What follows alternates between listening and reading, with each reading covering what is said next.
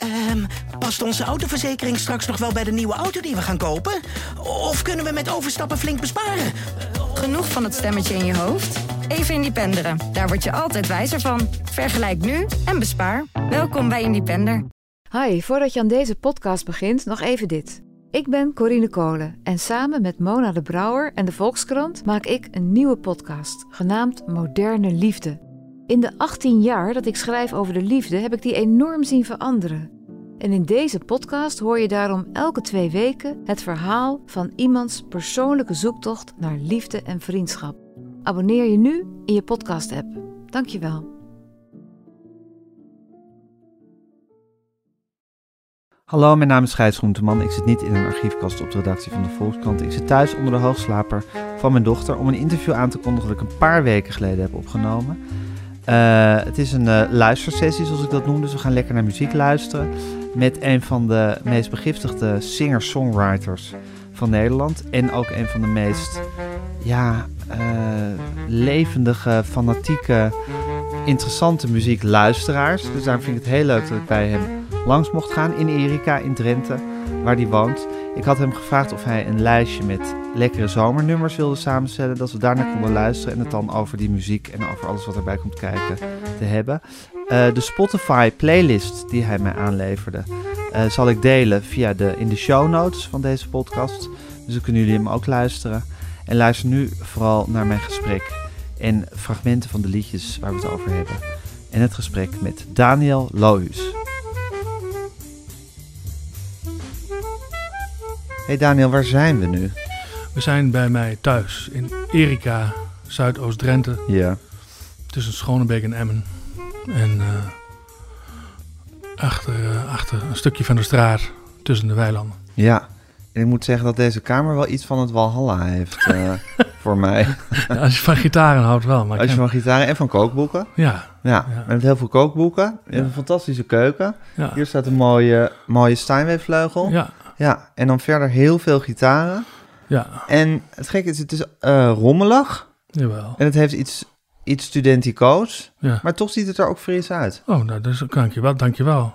Nou, het is, het is gewoon... Uh, ik ben hier twintig jaar geleden alweer... Heb ik dit huis gekocht. En uh, sindsdien... altijd heel veel getoerd en gereisd. Mm -hmm. En... en er is inmiddels ook alweer een boel weggegooid wat je zo in de loop van de tijd krijgt van mensen. Cadeaus en beetjes en weet ik veel. Maar um, ja, dit, dit is zo'n beetje waar ik mij comfortabel bij voel en wat blijven moet. En die gitaren, ja, dat is... Dat is Wil jij omringd zijn door veel gitaren? Ja, dat vind ik fijn. Ja. Waarom? Ja, omdat ik, uh, ik, ik, ik, ik, heb zo... Uh, ja, ik, heb zo, ik, maar ik, vind, ik vind zo mooie uh, dingen. Ik vind fijne dingen. En het is een hobby van mij om ze te verzamelen. En ik, ik, ik speel graag gitaar. En ook uh, als ik televisie kijk, dan heb ik ook graag een gitaar in de hand. Meestal een bas. En dan speel ik de bas mee met, met reclames of zo. dat vind ik fijn. En... Um, je vindt met een bas vind je ontspannender tv kijken. Ja, ja precies. Ja. Dan kun je een beetje boem, boem, de andere, weet je. Ja. Friends bijvoorbeeld ook altijd leuk. En um, ja, die, die gitaren, het, het, ik moet wel zeggen dat het nou ook wel een beetje uit de hand loopt. Hoor. Ik, zeg, ik heb voor het eerst nou zitten denken, want dit is nou wat hier staat, maar het meeste staat, staat boven. En uh, in de cover. Maar um, ja. Ja, weet je wat het is, Daniel? Kijk, ik, ik speel zelf gitaar, maar op een heel, heel erg beneden gemiddeld niveau. En zelfs ik heb al de begeerte, als je ergens langs een winkel loopt en je ziet een mooie gitaar hangen, en je denkt, oh, lekker gitaar ja. kopen. Dus kan voor als je, als je het ook nog eens echt kan ja. en het ook nog eens je werk is, dat ja. je ook nog eens, een, zou maar zeggen, een legitimatie hebt om de hele tijd dan maar er weer eentje te kopen. Ja. Het en, zijn toch ook gewoon verrukkelijke dingen? Het zijn, het is, het is, en het er is, is geen eind in, hè? Het is geen... En je wordt er ook echt verliefd op. Ja. Ik word er echt verliefd op. Ja. Ik heb eens, ik heb eens een keer een, een, een romantisch weekend in, in uh, Brugge meegemaakt met een fantastische vrouw. Maar ik had smiddags in, in het raam ergens bij de muziekhandel een hele mooie gitaar gezien. Ik heb er nergens anders aan gedacht dan een gitaar. Gewoon... Uh, ja, nou, het vergelijken van een gitaar met een vrouwenlichaam is ook wel eens gemaakt natuurlijk. Ja, ja, ja. Dat, is, dat, is, dat is ook en zeker. ik weet niet of dat, of, of dat misschien al te platvloers... Uh, uh, platvloersverband is. Maar goed, er, er, is, er is iets heel aanraakbaars aan gitaar. En je moet ze ook aanraken, dus dat klopt. Ja. En iets aantrekkelijks om er veel van te hebben in allerlei kleuren en soorten. Ja, en Ja. ik ben dan ook nog zo, ik ben, ik ben mm, eh, qua muziekliefhebberij heb ik, hou ik van van alles, van, van allerlei soorten. En ik, ik, ik ben ook wel zo dat als ik in de studio zit en dan denk ik, oh, dan moet ik een beetje dat gitaargeluid van die en die plaat. En, en heel veel mensen gaan dan aan knopjes draaien en aan bakjes eh, drukken en zo. Maar ik pak dan die gitaar uit de kast Ja, met de juiste versterker. ja. Ja, als ik Clapton eh 1974, die, die en die tour, dan weet ik, oh, dan moet ik die straat pakken met die music, weet je wel? Dan ben je er. En eh of de Beatles, nou, eh, ik heb, ik heb zo, zo, zo helemaal zo'n Rosewood Telecaster die George Harrison bij Let had. Ja. Daar heb ik dan een eentje van. Die lichtblauwe, is dat niet? nee, die helemaal donker, die helemaal houten, waar alles Oh hetzelfde ja, ja, ja, kleur is, ja, de ja, hals ja, ja, ja, ja, ja. En eh, ja, Nee, lichtblauw was een strat. ja, ja. dat is ook, ook, Ja. ook prachtig trouwens. Maar dat, is, dat, is, dat vind ik leuk om in de studio zo bezig te zijn. Of ja, wat doet Keith, Rich- Keith Richard daar en daar? Oh, hij heeft hij die en die. Die gitaar bijvoorbeeld, die we hier zien, die grote, dikke... ja, Die Gibson. Ja, de Gibson. Dat, dat is een exacte kopie van Chuck Berry's eh, gitaar van Maybelline en zo. Alsjeblieft. Toen hebben ze zijn familie gevraagd, van, mogen we die gitaar even... Gibson heeft zijn familie gevraagd van... mogen- hebben ze die hele gitaar van, van Chuck Berry helemaal gemeten. En hoe dik was die nou eigenlijk? En precies nagemaakt. Ah, natuurlijk is dat ook een commercieel iets van, van de firma Gibson. Maar Ja, ja, en, de- en die, die, die is er dan. En dan pak ik hem en dan speel ik daar Maybelline op. En denk, nice. en dan ga, je daar weer mijn, dan ga ik daar weer mijn eigen dingetjes uithalen. het gekke is natuurlijk, als je het dan hebt over Chuck Berry en zijn gitaargeluid, dat zal in zijn gitaar liggen. Maar Chuck Berry heeft ook in hoe die speelt, daar zit zo'n soort scherp, snerpend geluid eh, komt eruit. Beetje onaangenaam, maar ook wel weer lekker. Ja, Eh, wat volgens mij ook met zijn karakter, eh, wat bij zijn karakter past. dat denk ik ook, ja. Ja. Dat, dat zeg je heel goed. Ik denk dat dat heel vaak gebeurt ook. En dat hij gewoon zei, ook met zijn stem, de, de bovenop, hij, hij moet, dat moet hoorbaar wezen. En het gekke is dat ik, dat ik eh, vroeger Chuck Berry helemaal niet zoveel draaide, omdat ik het niet zo mooi vond klinken. Nee, het klinkt ook niet mooi. Nee, Zoals maar- Little Richard heerlijk klinkt, Ja, klinkt Chuck Berry niet prettig Nee. eigenlijk. Maar toen ben ik erachter gekomen, toen, toen haalde ik mijn rijbewijs een paar jaar geleden. En dan had ik direct een, eh, een Amerikaan tot mijn beschikking. En toen ging het draaien in een dikke Lincoln met een V8. En toen klonk het in één keer fantastisch. Oh, het is, het is muziek die in een Amerikaanse auto moet draaien. Ik weet het niet of het expres gedaan is, maar het is net of ze het daarop gemixt hebben. Ja. Ja, dat is natuurlijk wel de religie die Chuck Berry ook voorstond. Ja. Het, rij- het rijden in een Amerikaanse auto met je sweetheart en weet ik veel. Precies. Ja, dus het past, het past daar gewoon in. Het paste er heel Ja. erg in, ja. ja. Ja, Maar- en het was natuurlijk ook zo met Chuck Berry. Dit weten we allemaal omdat er een fantastische documentaire ooit over hem is gemaakt. Heel, heel rock'n'roll. Dat hij Oh, tegenovergestelde is van een, eh, van een pleaser. Ja. Tegenovergestelde was van een pleaser. In dat in, maar in zijn muziek zit ook weinig pleaserigs. Nee, En in zijn ja. gitaarspel is ook niet pleaserig. Nee, het is heel best wel hoekig en eh, Ja, hoekig en hard. rudimentair. Ja. En, eh, ja, wel helemaal Alleen het is zo muzikaal, hè? Ja. En die teksten zijn zo goed. Teksten zijn fantastisch. Ja. Ja, dat is echt... eh, dat dingetje waar hij speelt, altijd zijn, zijn, zijn handtekening, muzikale handtekening, de- die intro's en solo's, is natuurlijk ook fantastisch. Ja, En dat is gewoon, ja... lekker consequent. Hij is ja, ook lekker consequent, ja. Ja, Je bent als, als songwriter ben je heel snel geneigd om te denken van... Oh, dat heb ik al een keer gedaan. Of, eh, de- dat maar je- dacht Chuck Berry nooit. Je dacht gewoon elke keer, oh, doe ik nog een keer. Ja, echt bij elk nummer gewoon. ja. Iets, net iets anders dan. Dat Ja. vind ik altijd knap van hem. Dat Little Queenie en, en eh, eh, weet je wat, die is dan net iets anders dan O'Carroll. En ja, maar goed, dat is, Maar goed, zo leef jij hier tussen je, tussen je gitaar, eh, Ja. Daniel. ja. En dan zit je lekker af en toe een beetje te spelen. En hoe komen liedjes tot jou?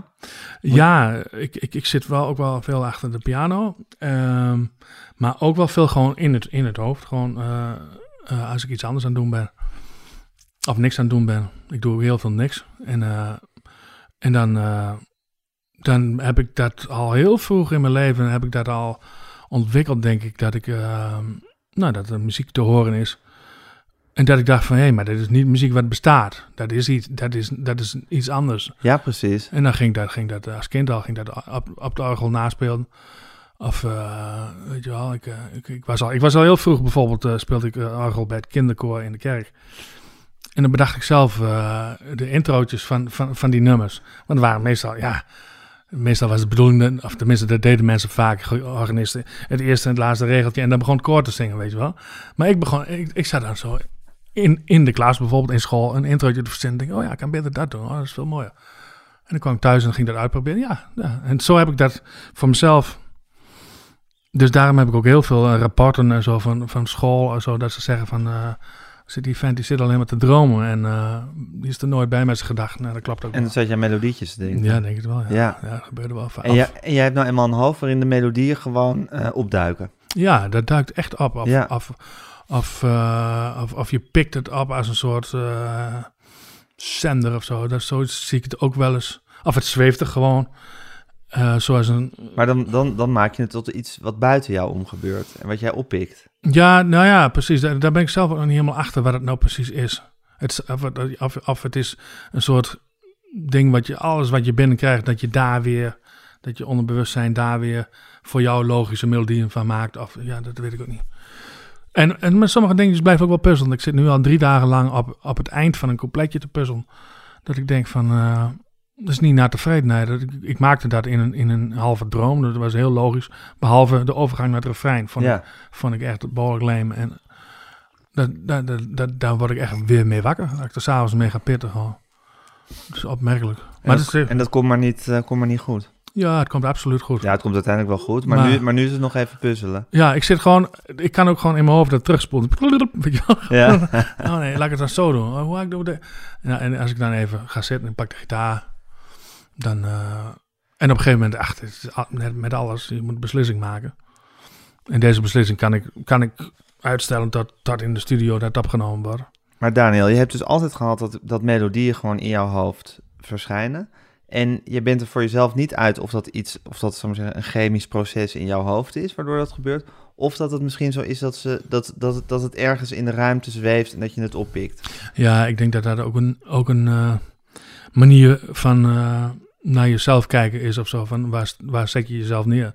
In het universum. Ja, ik vind ik, ik, dat van dat oppikken, dat zegt Keith Richard altijd van ja, het zweeft ergens en ik pik dat gewoon op of zo. Ja, dat is ook wel een bescheiden manier om, om, de, om erover te ver- vertellen.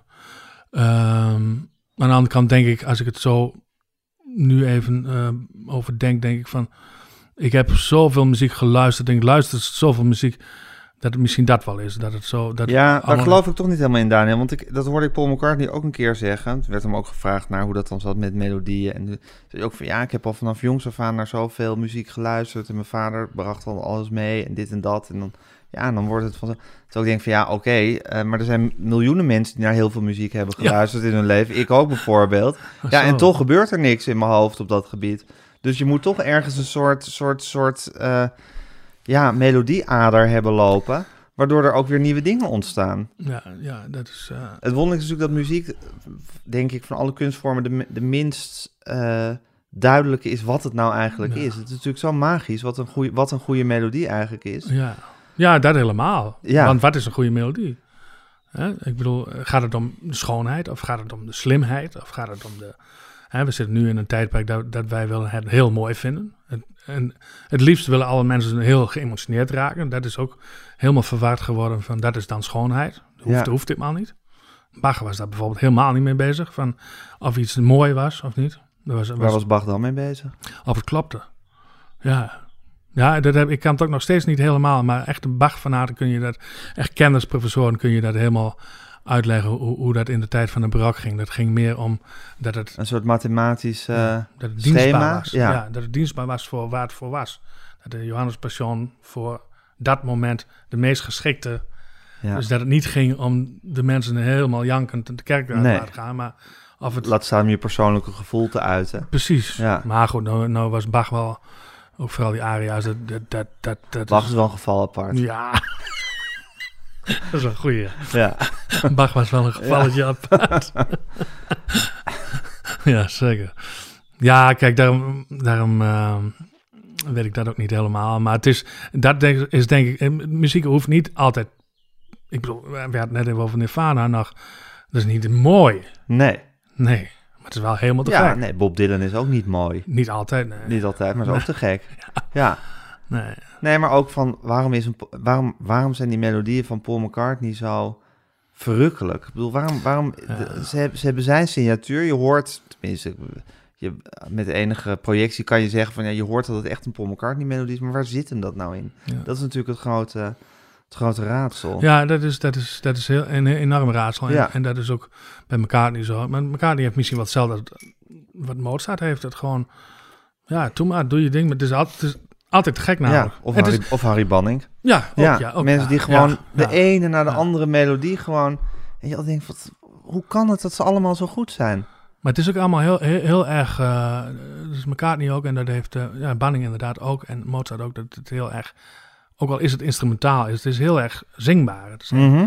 Ja, zangerige melodie. ja, Hè, wat altijd wel gezegd wordt, dat Lennon is vaak één streep. ja. En dan En dan gebeurt het in de harmonie. Precies, daar gebeuren andere dingen. En bij McCartney is het, het gaat alle kanten op. En eh, ja, ja, het is, het is, eh, het is inderdaad een, eh, een soort geheim nog steeds, hè? Het is een geheim, hè? Hoe, dat, hoe dat nog gaat. Ja. Nee, dus ik kan me voorstellen, als je dus al je hele leven over die gave, of hoe je het wil noemen, of in ieder geval die eigenschap beschikt, dat die melodieën in je hoofd opkomen. En omdat het zo geheimzinnig is wat het nou eigenlijk is, en waarom die melodieën bij jou naar binnen komen, dat je, dat je het dan ook buiten jezelf gaat zoeken. Dat je denkt, misschien pik ik het op, of wat, dan ook. Ja, dat is inderdaad. omdat het zo geheimzinnig is. Ja, dat is het ook wel een beetje. Ja, ik- zit er wel eens over na te denken hoor. Omdat je eigenlijk, omdat laatst zei iemand ook van ja, als je, als je componeert of liedjes maakt, dan kun je in feite kun je naar de- in de toekomst kijken. Dat is ook wel een beetje zo. Het is niet een hele verre toekomst, maar wel, je kunt in je hoofd iets bedenken en wat over een uur kan bestaan. Dat, dat is ook best wel apart eigenlijk. Ja, dus met schrijven natuurlijk ook zo, met meer dingen wel zo, maar met muziek is het wel heel erg zo. Want je hoort het, als je, je kunt het precies namaken wat je in, de hoofd, in je hoofd Ja. hoort. Als het goed is, als het niet te ingewikkeld wordt. Ja. Maar dat is, eh, en dat is het meeste, dat heb ik ook wel vaak hoor. Heel veel mensen, liedjes schrijven, is ook het streven om wat je in je kop hoort. Ja, Hè? om dat eruit te krijgen. Om dat zo, Ja, precies. ik zeg ook wel, eens, had ik een MIDI-kabel zo in mijn hoofd zo. En dan gewoon rechtstreeks computer zo eruit, eh, eruit trekken. Ja, want het blijft, je het moet eerst toch, toch weer door dat, Ja. door dat menselijke... Ja, het is net zoals een droom die je, die je nog heel scherp weet als je wakker wordt. En zodra je hem gaat proberen te formuleren, verdampt hij ineens. Ja, dat Ja. is precies wat het is. Ja, Ja, daarom moet je er ook trek bij wezen als je een, een muziekideetje hebt. ja, Ja, of het, zo heb ik denk ik getraind in mijn hoofd om het wel langer te kunnen onthouden. Omdat je in bepaalde situaties in het leven nou niet eenmaal direct je kladblok kunt pakken in, in, in de klas of in, eh, als je in een fabriek moet werken of weet ik veel wat. Of in de kerk of weet ik. dus je moet soms ook trainen van onthouden, onthouden. Hoe staat het ook weer? ja, precies. Maar dat, dat eh, Hey, en is het altijd een, vind je het een zegen per definitie, dat muzikale brein? Of is het ook wel eens heel lastig? Ja, de, de, de, de, muziek zelf, nee, dat zie ik wel als een zegen. Ja, daar heb ik ook al heel veel aan gehad. Als het, als in, in, in, in nare tijden, eh, of, in, of in tijden dat je echt baalt of zo, weet je wel. Toen, toen ik jong was en dat ik dan, eh, toen woonde ik in het westen en toen baantjes en dat de meest smerige baantjes in fabrieken en eh, blauwe overal aan en maar buffel, weet je wel. Maar dan ondertussen uh, verzon ik allemaal liedjes die, wat nou de eerste plaat van Skikker heet. Ja, ja dat is, zo ging het. Ik kwam gewoon thuis, helemaal echt kapot gewerkt, weet je wel. En dan ging ik met vier sporenbandje zo liedjes maken. En dan is, dan is het opeens de wereld heel mooi. Ja, Ja, het is gewoon een droomwereld. eh. daarnaast. ja, ja, Ja, ja, die je op school nogal afleiden, die droomwereld. precies. Ja. Ja, Ja, maar als je toen, toen je helemaal saaie baantjes had, was het, was het ook weer een redding om hem erbij te hebben. ja, zeker. Maar het lijkt me ook een soort iets wat altijd, altijd aan het roepen is. Ja, dat wel, ja. Dat wel, ja. En, en ook, maar ja, ik heb, op, ik heb op een gegeven moment wel de keus gemaakt in mijn leven van, eh, van alles voor de muziek, heb ik altijd gezegd. Ja. Alles. Je gaat de muziek dienen. Ja, echt dat. dat. Want er is ook een tijd geweest in, in, in een eh, verleden dat ik, eh, toen ik jong was, dat ik dacht van ik moet, ik, ik moet geestelijker worden. Gewoon, dan dacht ik echt dat ik dat zou gaan doen. Geestelijke. Ja, zeg maar het klooster in of eh, zoiets, weet je wel. Of uh, een pastoor worden was misschien te hoog gegrepen. Waarom maar, wilde je dat? Nou, dat, ik was altijd in de kerk, ik vond het mooi. Muziek, uh, die plechtige toestand. Dat gedoe met rituelen, ja, muziek, vond ik zingen. fantastisch. Licht, ja. licht, geluid. Ja. dus, maar toen kreeg ik gitaar en toen ging dat direct helemaal de andere kant op. Toen, ging, toen werd het direct helemaal totaal wat anders. Maar, maar dat gevoel heb ik altijd ook wel een beetje gehad. En dat is heel sterk geworden dat ik op een gegeven moment dacht van... Hey, alles voor de muziek. Maar je hebt ook heel erg het gevoel... ik moet nu aan Bob Dylan denken, You Gotta Serve Somebody, dat je iets moet dienen. Ja. Dus waar het vroeger misschien. God was, of Ja. wie, je dan ook voor, voor ogen had met dat geestelijke. Maar je vindt het ook prettig om die muziek, om jezelf ten dienste te stellen aan die muziek. Ja, en dat, vind ik, eh, dat is heel prettig. Dat doe ik ook heel bewust. Dat doe ik nu al jarenlang. Bevalt me ook uitstekend. Ik maak al, alle keuzes. Ook, ook eh, gewoon de keuzes eh, over of je, eh, weet ik veel, eh, of je gaat trouwen en een gezin begint of alles. Ik had, nou nee, ik, niet, even niet, want ik ben bezig met Met een plaat. Ja. of een tour, of weet ik veel wat. Ja, Ja, en, en daar sta ik nog ja. steeds volledig dan heeft, die, dan heeft dat muzikale brein van jou, maar het is natuurlijk ook een beetje je constitutie, ook een beetje hoe je in elkaar zit, karakterologisch. Maar dat heeft er ook wel weer voor gezorgd dat je überhaupt voor die keuze bent gesteld. Dat je dus moest kiezen van, oké, ga ik mijn leven ten dienste van de muziek stellen Ja, of niet? ja. Ja, Ja, ik heb het er wel. eh, ja, ik heb, ja, ik heb nou, een echt een be- hele bewuste keuze niet, maar wel zo. Hey, ik ben dat aan het doen.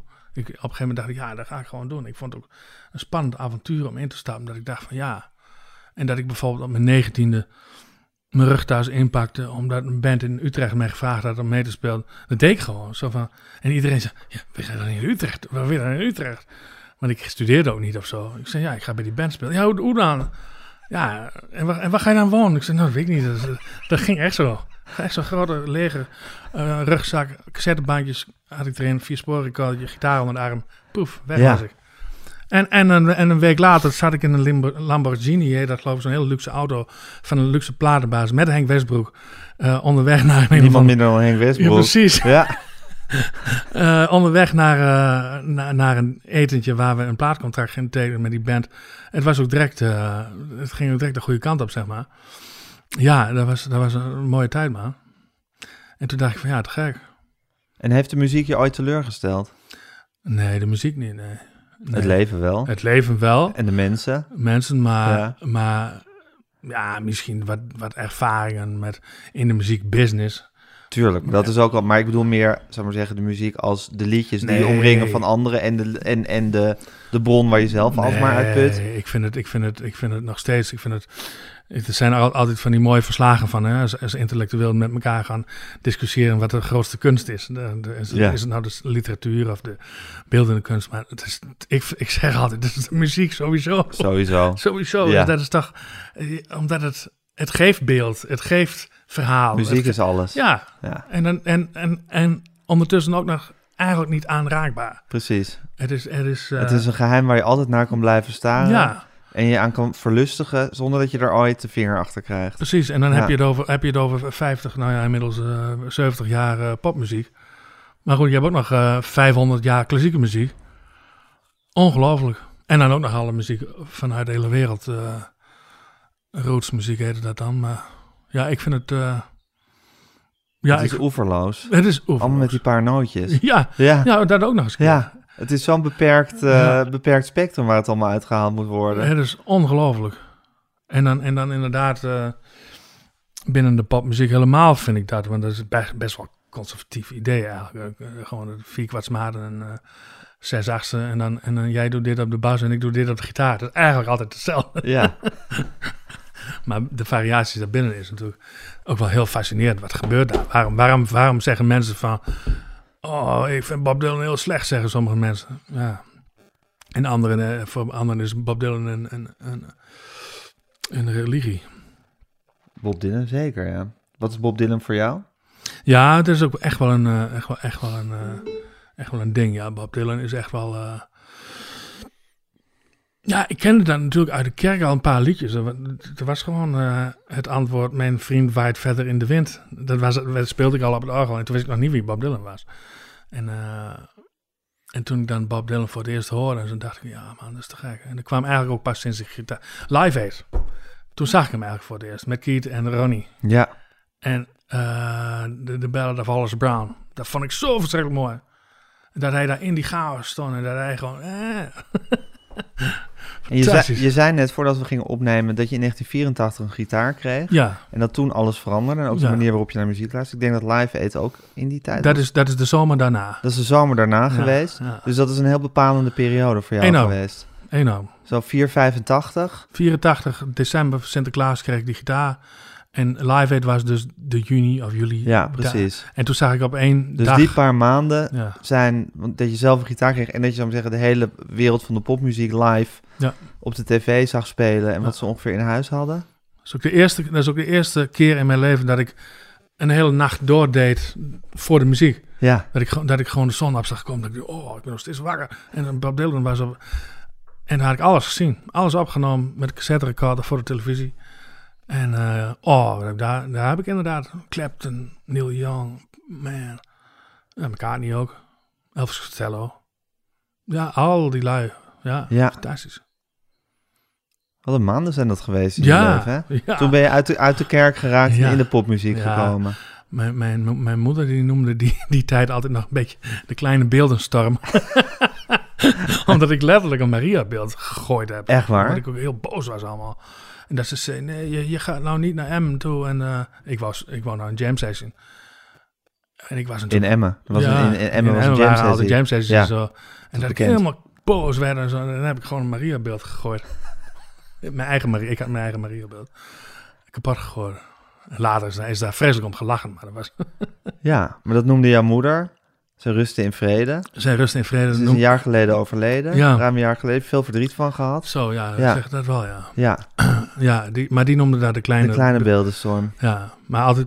Mijn moeder die zei heel vaak dat soort dingen. Dus altijd met een... Altijd een beetje grappig. Dat een hele, hele eh, grappige vrouw. Dus dat was... eh, ja, Ik, maar vind dat, dat, ik vind dat de kleine beeldenstorm noemen, vind ik ook heel grappig. is heel grappig. ja, Ja, is heel grappig. En hoe zit het met jouw godsbesef, eh, Daniel? Ja, een besef. Ik, ik hang een beetje de vinkersmethode aan eh, de laatste tijd. Eh, dus toen mijn moeder overleed, heb ik gewoon gedacht van... Nou, die is gewoon in de hemel. En de Ja, hemel precies. bestaat. Ja, Omdat ik hem, omdat ik hem verzin. Ja. Want dat zegt Herman, hè, van de veertigste van Mozart en de liedjes van Jacques Brel, die zijn ook ooit verzonnen en daarom bestaan ze wel. Ja. ja. Dus, eh, de, en zo zit het. Ja. Ik geloof dat mijn moeder daar ergens met haar zussen en haar vader moeder mooi grapjes zit te vertellen. En dat Amy Winehouse daar met René Timmer, een overleden vriend van mij, die zit mooi daar muziek te maken. onder een eh, bloeiende kersenboom. Ja, eh, zonder tatoeages. Weet je wel, dat is zo'n zo'n hemel zie ik gewoon voor me. Ja, ik heb dat altijd voor me gezien. Toen, Jamie, eh, toen eh, Amy Winehouse doodging. Een vriend van mij hier in Emmen, was ook een junk. En die eh, ging ook dood. En ik denk, die zullen elkaar eens opzoeken in de hemel. Dat zal mooi zijn. en zonder tatoeage zeg Dan hebben ze opeens geen tatoeages meer. Zo zie ik dat in de hemel, ja. Ja? ja. Dat is het voordeel van Vind katholiek. je tatoeages ook een klein beetje ontheiliging van het lichaam? Eigenlijk denk ik wel, ja. Als je dat zo stelt. Ja, dat, dat- tenminste voor mezelf zou ik het inderdaad nooit doen. Nee. Nee. Ik heb een hele, dat is wel heel grappig. Ik heb een, of heel grappig, eigenlijk ook heel triest. Toen, in, in, in, toen ik in het diepst van de rouw zat met mijn moeder, heb ik over, echt overwogen om hier op mijn arm gewoon in best wel grote letters ma neer te zetten. Gewoon, maar het zal, ook een soort zelfkastijding geweest zijn. Als je zoveel verdriet hebt. Ja. En ik opeens dacht, ah, wat onzin, dat zou zij verschrikkelijk vinden. En dat, dat moet ik dan ma. Ja. Sloeg helemaal nergens op. Maar eh, toen heb ik voor het eerst wel eens gedacht, ja. Ja. Nou ja. Laten we even, want Daniel, ik geloof dat we ook prima zonder welk liedje dan ook met, met- uren met elkaar zouden kunnen praten.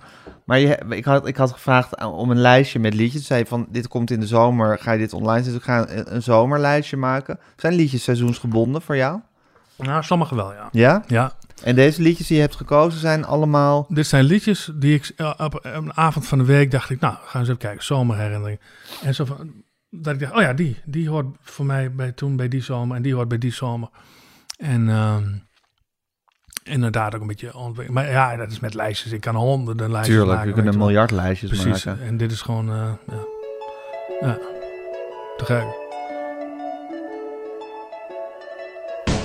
Wouldn't it be nice if we were older, then we wouldn't have to wait so Vertel even Daniel, de Beach Boys. Wat, Beach Boys. Wat is het? Wat is, Ja, dat is echt heel, ja, inderdaad. Wat, wat Ja, raar wat is dat eigenlijk? Ja, precies. Ik snap helemaal wat je bedoelt, ja.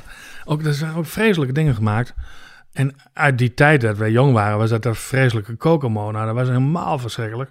Maar ik vond altijd wel die I Got Around, vond ik altijd mooi. Vond interessante akkoorden. En, eh, en zo opeens, toen woon ik in Utrecht en zo. En eh, nou, dan begon ik een beetje met, met dat blow, nog een kleine blootjes roken, s'avonds. En eh, toen las ik steeds in die boeken over de Beatles ook, lees je steeds Pet Sounds. Ja. Dus ik gewoon bij de, bij de Biep in Utrecht Pet Sounds gehuurd, geleend. En eh, op een cd'tje. En ik ben er eens goed voor gaan zitten gewoon. En ik, ben, ik, en ik vond het fantastisch. Ook een van de eerste keer dat ik een plaat opzette, dat ik meteen alle teksten, dat de ruimte in mijn hoofd over was om die teksten ook meteen mee te nemen. Normaal zit ik daar veel te veel naar die muziek te luisteren. En hoe kwam dat, dat, dat, de- dat deze muziek die ruimte liet? Ja, dat is heel typisch. Die teksten zijn natuurlijk ook heel overzichtelijk. Ja, Die zijn heel, heel, heel, eh, nou, bijna, bijna een beetje naïef, zeg maar. Nou, bijna hartstikke naïef. Ehm, en eh, hoe die op die muziek staan, hoe het gemixt is ook. Het is goed te verstaan. En het is ook, eh, ja, het loopt niet echt heel erg door elkaar. Het is, het is een geheel. Ik, ik, kon, ik kon het in ieder geval... En die muziek is best wel maf eigenlijk. Alle basnoten bijvoorbeeld zijn niet de grondnoten oh, nee? van de akkoord. Nee, dat is heel typisch. Het is gewoon waar iedereen gewoon, als je een C speelt, pak je op de bas een C en soms een keer een E als je nou even moet. Je. Je echt een gekke bui bent. Ja, maar, Ja. maar hij consequent onder een C zet een G. Als een soort, als een soort trucje haast. Dus, en, en, dat, en dan krijg je dus meteen een hele andere muziek. En ehm, nou, misschien dat die... De eerste is dan wel de grondtoon, maar direct al... eh, Speelde Brian Wilson ook de bas op de... Ik denk niet dat hij zelf de bas speelde, maar hij componeerde het zo. Oké, hij... Hij, hij componeerde het zo. Hij, hij componeerde met ook veel op een Hammond met volledig pedaal. En dan gewoon... eh, Where did your long hair go? En dan een andere basnoot, dat klinkt meteen. En toen is McCartney dat ook wel eens gaan doen, maar ook niet vaak. Want die houdt ook gewoon van op de grondtoon zitten. Ja. Maar dat, is, dat, dat maakt Pet Sounds sowieso heel magisch. ja, want er wordt veel gesproken over... Of tenminste, veel gesproken, maar het gaat vaak over de rivaliteit tussen de Rolling Stones en de Beatles. Maar de werkelijke rivaliteit was natuurlijk tussen de Beatles en eh, de Pet... Of ehm, de, Beach Boys, de ja. Boys, de Beach Boys. Ja, dat klopt. Ja. Dat denk ik ook. Dat was, dat was, echt, echt, dat was, echt, dat was echt ook een gelijke eh, strijd bijna. Ja. Ja. Van de Stones was de strijd alleen maar vanuit Mick Jagger, denk ik. Die dacht van, ik wil ook een soort, eh soort Sgt. Pepper maken. maken. En dan kwam hij met, eh, met die gekke Ja, Satanic Majesties. Ja. eh, request. alhoewel dat achteraf ook best wel de gekke plaat is. Ja, maar goed, de, de, de, grote muzikale rivaliteit zat vooral tussen Paul McCartney en Brian Wilson, denk ik. Die, Ja. die, die iets in elkaar herkenden. Ja, Of eh, het genie in elkaar herkenden in elk geval. ja, En wilden overtroeven. ja, en Waarbij Brian Wilson dus door mentale problemen af heeft moeten haken, helaas. ik denk dat hij ook echt zich bedreigd voelde. Maar die was al, die was al heel beroemd. En toen kwamen de Beatles eraan. En toen heeft, heeft Brian Wilson denk ik gedacht van... Ah, nou ja, ze speelt gewoon een beetje rock and roll en zo. Maar toen de toen Beatles met, met, ook met Yesterday en zo kwamen... toen begon Ja, Brian Wilson hem wel te knijpen, denk ja. ik. En Rubber Soul was echt zijn... eh, Ja, dat was geloof ik de... dat was geloof ik de, toen is hij geloof ik Pet, Pet Sounds gaan maken om daar weer overheen te kunnen komen. Ja, Ja, Ah, ja toen kwamen de Beatles weer met Revolver. ik vond het ook wel heel zielig eigenlijk. Het verhaal van Brian Wilson is sowieso zielig. Ja. ja. En dat was ook in die tijd in Utrecht dat ik dat boek ook las. eh Wouldn't It Be Nice? Kocht ik dat boek. Wat, wat later altijd van gezegd hebben. Ah, dat is helemaal fout boek en zo. Dat die, die Dr. Landy, Mhm. dat die hem uit de, uit de shit haalde, zeg maar. En eh ja, was ook voor het eerst dat ik zo'n biografie las. En dat ik dacht van, oh, wat is die man ver heen geweest. Zo. Dat hij gewoon zoveel heroïne en alles. eh, Gewoon ook niet, ook niet een, beetje, een beetje van het padje af. Maar gewoon echt helemaal die gasten. Ja. Zo. Ziet het, zou het een deel van het interessante van de Beach Boys misschien ook zijn? Het, zal maar zeggen, de permanente schijn van een zonnig strandbeentje. Ja. Eigenlijk gemaakt door een totaal getormenteerde ziel. Met waterangst geloof ik Ja, ook, zelf ja. kan helemaal niet surfen. Kan helemaal niet surfen. misschien ook wel niet zwemmen. Nee. Nee. En die, die, die, va- die zo'n gekke vader had, die, die, die had een glazen oog, toch? En, en die man die deze glazen oog aan het ontbijt gewoon in een glas water gewoon.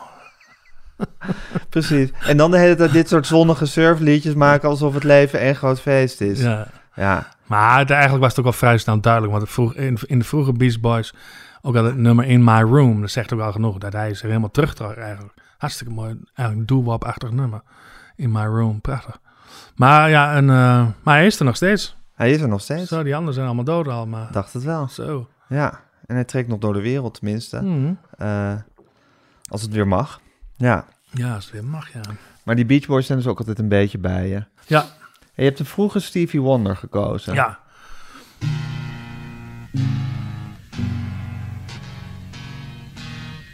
Dat intro meteen al, hè? Apart, hè? I don't know why I love you. I don't know why I love you. I don't know why I love you. But I love you. Always treat me like a fool. Kick me when I'm down. That's your rule. Volgens mij, Daniel, heb jij ook een diepe liefde voor teksten. En dat denk ik ook aan jouw eigen tekst natuurlijk, waar een soort hele kernachtige en Hmm. daardoor misschien poëtische manier gezegd wordt wat er aan de hand is. I don't know why I love you, but I love, But I you. love you. Dat is toch een fantastische zin? Ja, is ook. Ja. Het is dat jij nou zegt. Ik, ben, ik heb daar nooit op gelet, joh. Ik, ben- het is, het is, ik, ik ben hier alleen maar over de muziek aan het nadenken. Maar het is wel waar wat je zegt, ja. Dus dat vind ik wel goed aan dit nummer. ja. En het goede, goede aan dit nummer is ook dat hij... Hij zingt dit, dit stukje eh, van het begin. Dat, gaat dus het hele nummer door. Er komt niet een brug of er komt niet een... eh, maar hij wordt steeds extatischer. Hij, wordt steeds, hij gaat steeds hoger en hij gaat steeds... Allemaal blue notes. Maar, en, en deze muziek heb ik leren kennen. Echt weer iets net voordat ik die gitaar kreeg. Want ik zat dus op, op, op, op eh, kerkorgelles in, in muziekschool in Emmen. Heel, hele serieuze barok muziek speelde ik allemaal. En prachtig trouwens. Maar ik had een leraar en die had het in de gaten dat ik ook wel een beetje van uh, rock'n'roll en zo begon te houden. Hij zei, weet je, Stevie Wonder. Ja. En die heeft mij Stevie Wonder leren kennen. En, en dit, dit soort dingen, dat, dat ik hem helemaal uit zijn pannetje hoorde gaan, die Stevie Wonder, als hij aan het zingen of als hij zijn harmonica pakt. En, ehm, en omdat ik dat, dat zingen of zo, ja, je, wat, je kende de top 40 en, en de kerk, nou. En je opeens Stevie Wonder. ja. Oh, man. Maar Stevie Wonder is ook onder de popmuzikanten ook wel een soort geval apart, hè? Ja. Net zoals Bach. Ja, Maar dat was, bedoel, gevalletje apart. Ja. gevalletje apart. Ja. Het is een soort, soort uber-musicaliteit Ja, die bijna alles ontstijgt of Ja, zoiets. Ik weet niet hoe ik het precies moet uitdrukken. ja dat maar- zeg je helemaal ja. goed. Dat is, het, eh, dat is dat zijn inderdaad een van die paar die gewoon... eh, hij speelt ook alles en hij, hij, hij, hij, hij inderdaad niet alleen door, door, zijn, eh, door zijn blindheid... maar hij, hij koppelt vanaf Ray Charles naar, naar alles wat daarna komt. eh, Weet je wel. En bereidt hij de weg voor Prince of zo. Dat, dat, zo zie ik het een beetje. En, en mooie liedjes schrijven, maar ook vreselijk eh, onderlegd met jazz. Eh, en dat vrije, en alles zelf speelt. Nou, er zijn ook heel veel opnames dat hij zelf alles speelt, ook de drums. En dat, dat vind ik ook fascinerend als mensen dat doen. Dat, maar Stevie Wonder, dat is, dat is bij mij wel... eh, en dat heb ik ook met Ray Charles trouwens. Dat, dat zet je soms op, om de, echt de puurheid of zo. Gewoon de, inderdaad de stem. Maar mijn tekst, dat, had ik, jij zegt het nu, maar het is wel waar, ja. Dat is wel heel, heel direct, ja. Ja, nou, omdat je juist dit liedje van hem kiest ook. Ja, Ja, ja dit, maar dit, was ook, dit is ook een herinnering van mij. Dat ik, dat ik heel verliefd was en dat ik alleen maar dat nummer draaide. Dat ik echt, dat ik echt tot waanzin aan toe bijna, weet je wel. en dat is zo somber en dat ik dan... En als, je, als ik dit dan hoor, dan, denk je daar weer, kun je daar weer zo mooi terug aan denken. laten we even nu het over Stevie Wonder hebben. Ja, Ja, het is, eh, het is met Stevie Wonder zo dat ik, dat ik altijd denk van ja, het is... Het is eh, ik kan het bijna niet begrijpen eigenlijk, dat het, dat het bestaat en dat het... Tegelijkertijd kan het ook iets hermetisch hebben daardoor. Mhm, mhm. Het is wel een wereldje op zich. Het is een wereldje op zich. Ja, ja. ja het is ook niet, niet vaak dat je... Dat, Af en toe verlang je bij hem ook wel naar de eenvoud. Mhm. Ja, precies. Hij is, natuurlijk, hij is echt far out. Hij ja, hij is echt far out. Ja, ja, Ja. ja. En daarom vind ik eigenlijk, eigenlijk de jonge Stevie Wonder ook het, ook het eh, allermooiste. Ja, dus eigenlijk zoals dit nummer wat we net hoorden, is net op het randje nog, denk ik. Tussen, tussen de jonge en de, en de late Stevie Wonder. ja, je hebt Little Stevie en dan heb je zeg maar de puber Stevie. Ja, Dat is ook helemaal te gek. En dan dit en dan gaat er iets, iets in de jaren zeventig in. Maar, en dat is natuurlijk ook allemaal briljant wat er dan komt. Fantastisch. Fantastisch, maar Ja. ik snap wel wat je bedoelt, ja. even kijken. En eh, een tijdgenoot van hem en labelgenoot was Marvin Gaye. Oh ja. Ain't nothing like the real thing, baby. Nee, dat is wel goed, joh. Staat dat compleet ingaan, die drummen, joh. Maar je hoort, ze zit echt zo. thing. Gaat nu wall.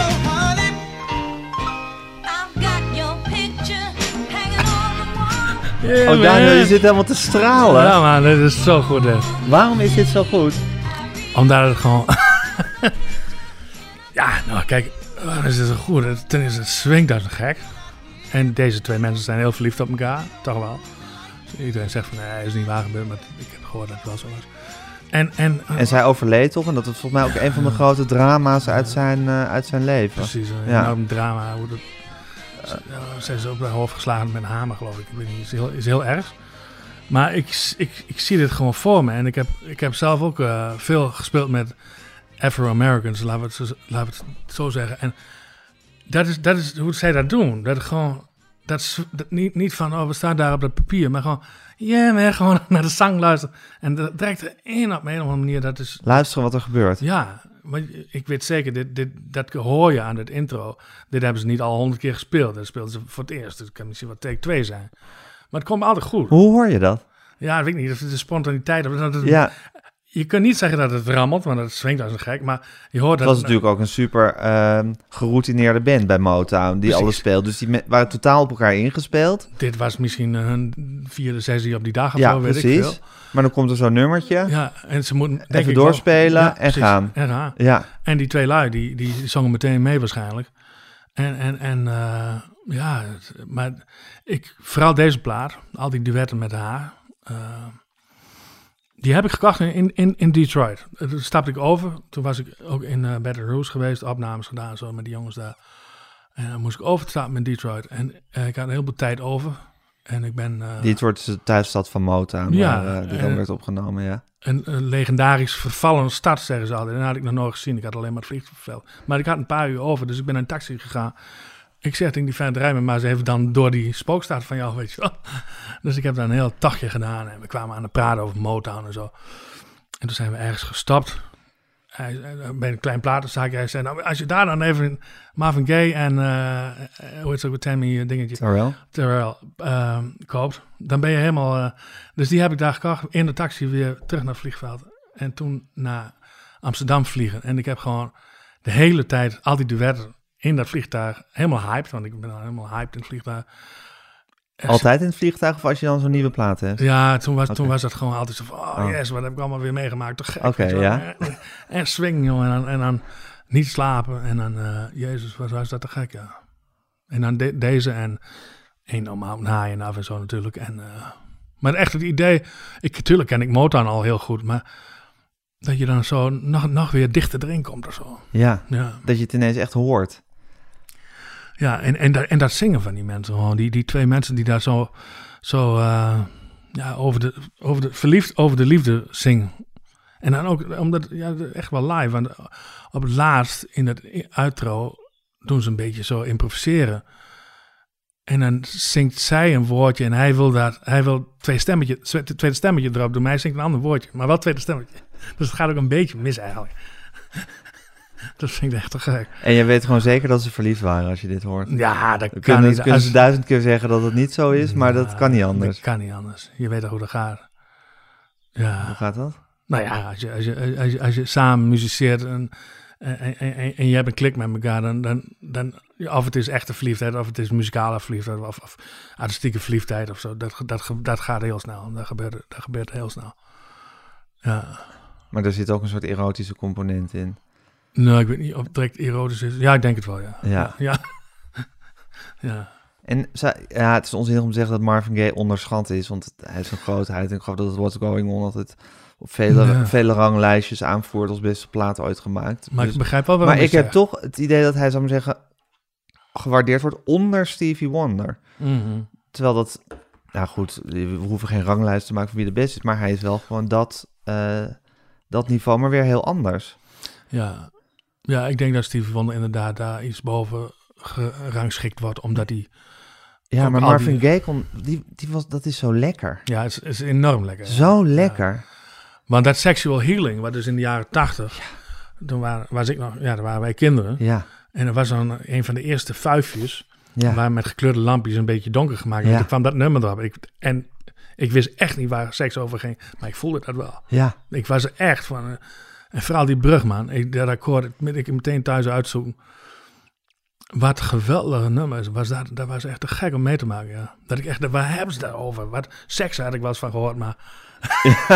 Sexual healing, wat Ja. is dat? Ja,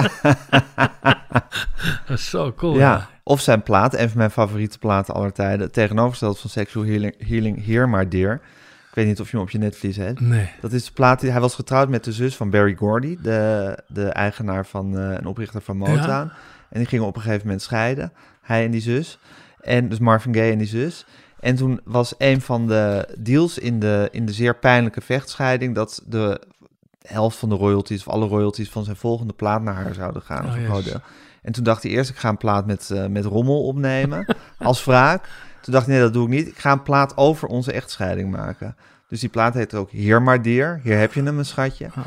En dat is ook die hoes is één grote eh, uitbeelding van, nou, met een soort Monopoly-spel met hoe een scheiding eh, Oh ja? in zijn werk gaat. En die plaat is gewoon één grote, ja, heerlijke, omdat alles wat hij maakt zo lekker is, klaagzang over hun liefde en ook zich afvragen hoe het heeft mis kunnen gaan. Oh, wow. Why did I stop loving you? Of where did you stop loving me? Where did I stop loving you? Dat soort teksten. Fantastisch. Oh, dat, dat ken ik helemaal. Oh, die moet ik- even lekker gaan gek, luisteren. ja. ja. Even kijken, over artistieke verliefdheid Mhm. gesproken. Laten we heel even naar eh, onze lievelingen, de Beatles, Ja. eh, luisteren.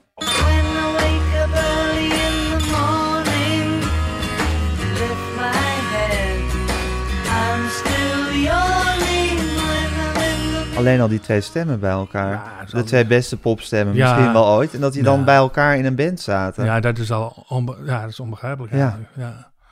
Dat is, eh, maar ja, en wat ik het fantastische vind, is dat eh, Paul McCartney, die qua muzikaliteit denk ik Stevie Wonder niveau is. Zo iemand die gewoon alles kan en bij wie alles muzikaal wordt. En dat hij dat hele talent in dienst stelde van John Lennon, die natuurlijk een veel rauwer en ongepolijster eh, ja, talent. Maar dat hij, dat, hij, dat hij al die muzikaliteit in die liedjes van Lennon heeft eh, ja, gepompt. ja, ja, ja. En zich helemaal ondergeschikt heeft gemaakt. Ja, dat, dat, dat realiseer ik me nu pas hoor.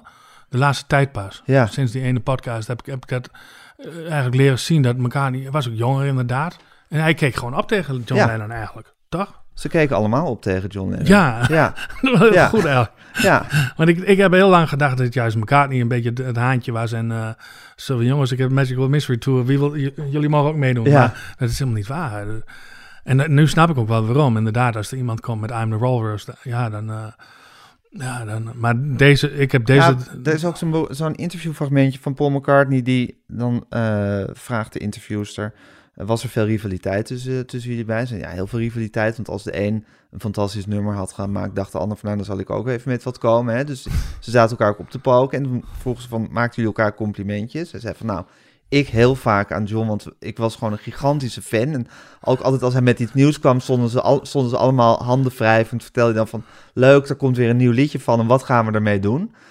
En eh, John Lennon had één keer iets aardigs over een liedje van hem gezegd, ik geloof over Here, There and Everywhere. Oh, Ja, maar verder nooit, nooit. één waarderend woord over zijn eh, dunne lipjes gekomen. Het was natuurlijk een onmogelijke figuur. Ja. Ja, ja. Oh, dat vind ik zulke nare verhaal. Maar ook wel heel ja naar en schitterend Ja. tegelijkertijd. Net, net als dat verhaal wat- dat, dat in de 70s... dat McCartney daar steeds bij hem voor de deur stond. eh, omdat hij aan het Ja. repeteren was met Ja. Wings. Ja, En dat Lennon gezegd, "Nou, we zitten hier niet meer in 1957. ja, Ga eens weg, joh. ja.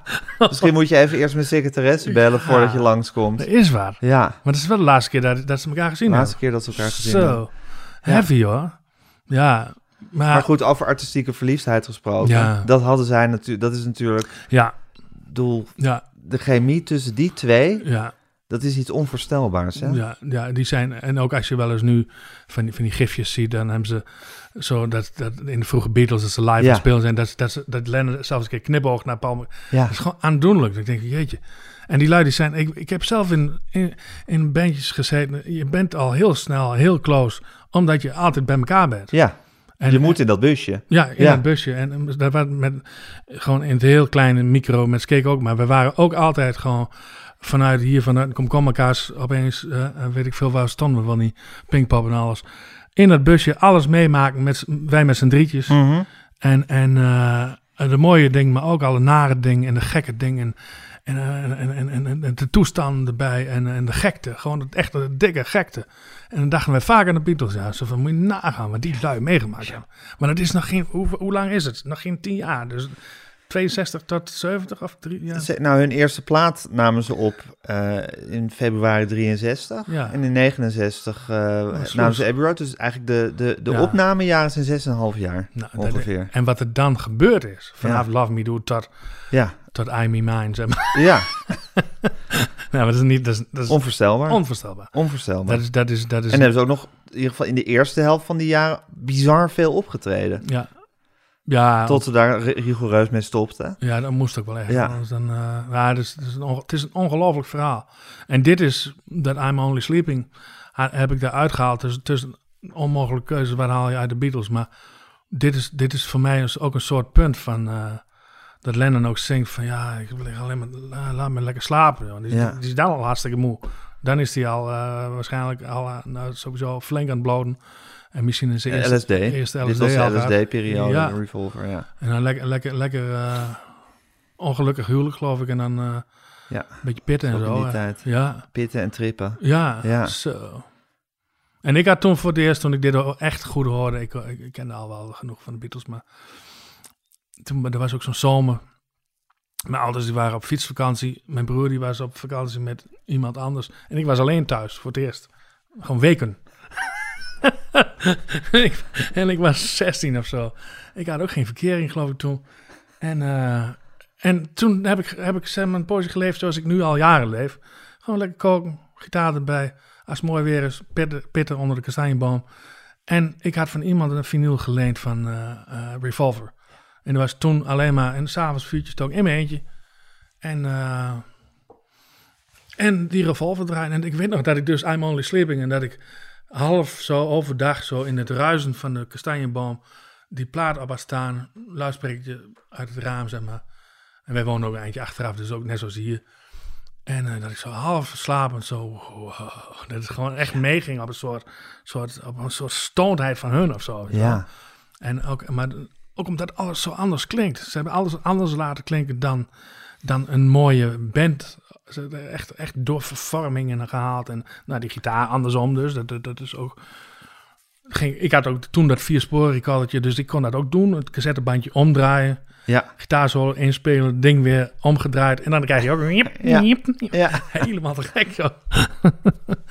maar goed, een Ja. live Ik vind. Revolver hun, hun, qua gitaar hun rauwste plaat. Ja, En, en natuurlijk ook de eerste plaat waarin, ze echt rare psychedelische effecten gaan, eh, gaan gebruiken. ja. Ja, Ja, en, en, en, maar net, net niet te idioot ook, vind ik het. eh, ik vind het echt... nee, dat is altijd goed met de Beatles. Ze maken altijd een goede keuze. Ja. Want dat heb je ook vaak. Er komen nu al die edities met alle demo's of alle andere takes en zo ook erop. En denk je altijd, oh ja, ze hebben toch Ja. altijd net de goede gekozen. Dat is opmerkelijk, Ja. hè? Maar dat is met foto's ook altijd. Dus zie je ergens een keer zo'n heel vel en dan zie je ze één zo aangekruiste. En dat is de iconische Ja. foto. Dat is vaak Ja. zo. Maar het is bij demos van de Beatles ook eh eh toch, eh, Norwegian Wood.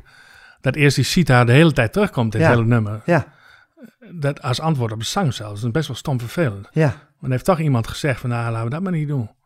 Waarschijnlijk George Martin, maar... Of Paul McCartney. Ja, McCartney had ook wel zijn mening. Ja, Maar She is Sad en zo. En, en, en eh, And Your Bird Can Sing, dat zingen alleen al. En, en And Your Bird Can Sing, die driestemmig gitaarintrootje. Ja, bedenk het maar eens. staan. Ja, bedenk het maar eens. Dit is echt niet normaal. Het is echt, eh, ja, en Tomorrow Never Knows, man. Jezus. Wat een rijkdom hè, Daniel. Niet te Dat het bestaat. Ja, niet dat het gewoon is gebeurd.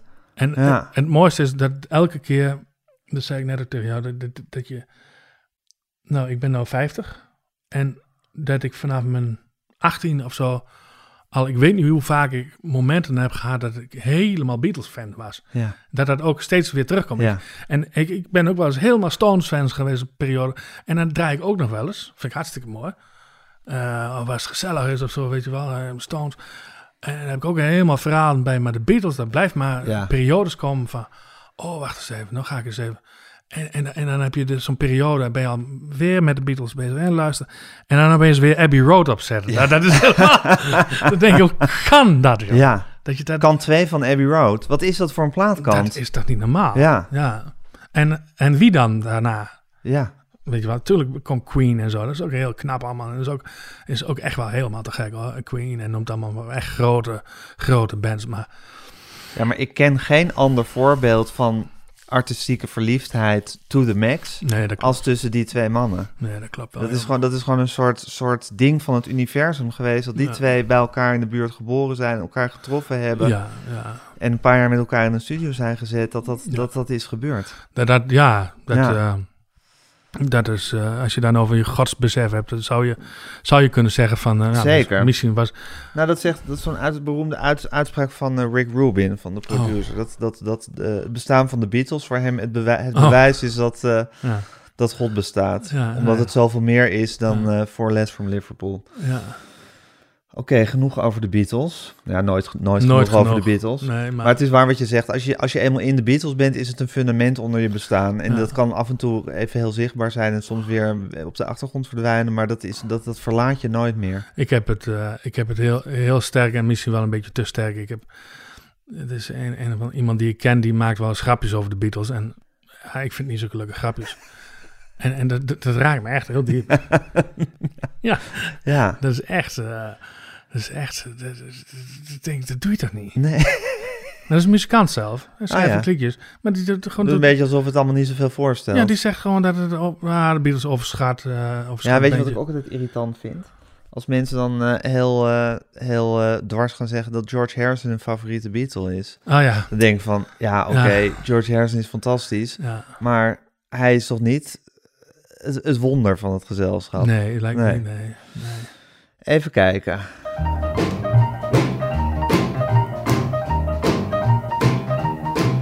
Get out of that bed, wash your face and hands. Get out of that bed, wash your face and hands. Well, you get in that kitchen, make some noise with the pots and pans.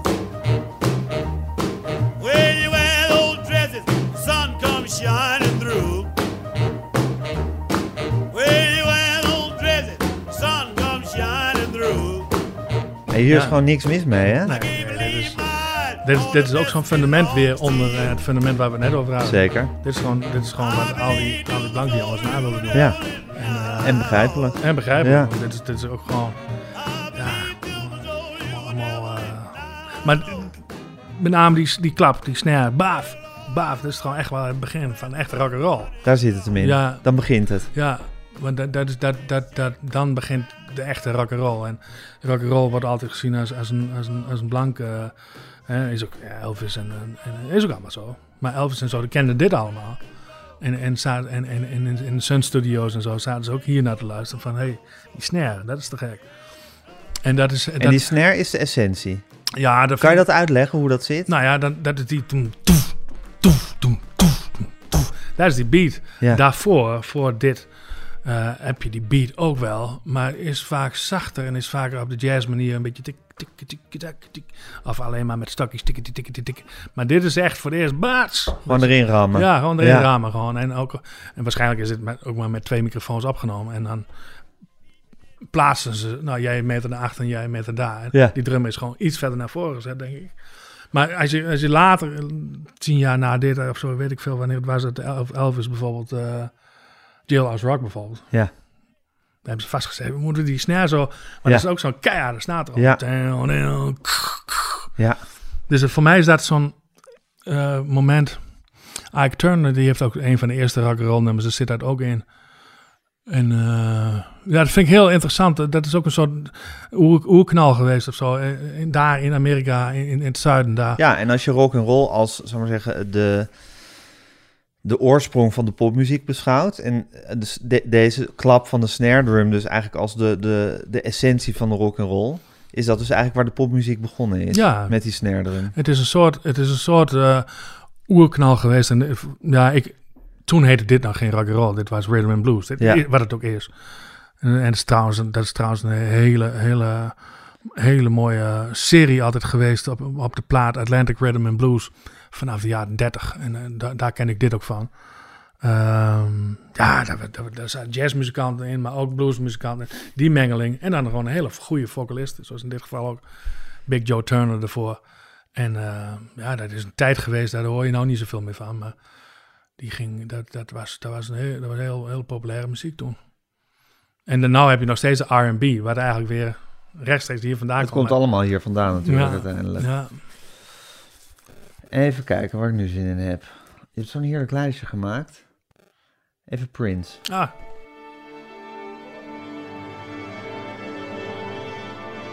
Look at the baggies over here, ladies. Dit begin alleen al. hè? zo maf hè? Je